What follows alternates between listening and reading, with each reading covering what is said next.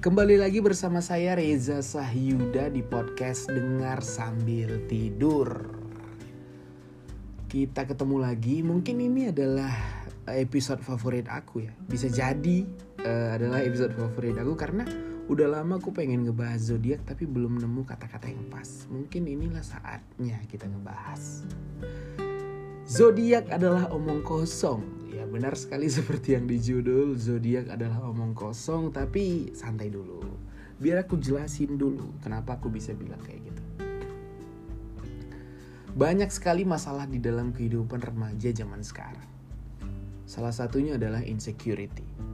Mulai dari insecure karena penampilan, keuangan atau bisa aja insecure uh, yang terjadi gitu aja karena tergiring opini dari orang lain.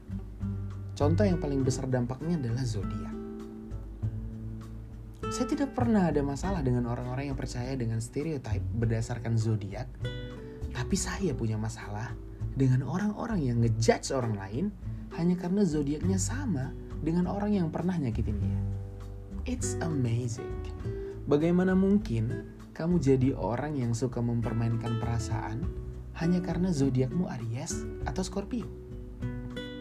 Nggak mungkin juga kan kamu bisa disebut penyayang hanya karena zodiakmu Pisces atau Cancer.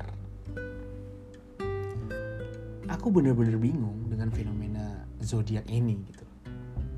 Nggak mungkin semua orang keras kepala adalah Taurus. Atau bisa jadi Gemini adalah orang yang kamu nanti-nanti selama ini. jadi apa korelasinya sifat atau kelakuan seseorang dengan rasi bintangnya? Aku masih ngerasa nggak masuk akal. Tapi jangan salah loh, ada orang yang nggak pengen kenalan sama orang lain hanya karena dia tahu dia adalah Virgo, misalnya kayak gitu. Ya oke okay, kalau misalnya kalian bilang it's just an opinion, chill out bro, don't be serious.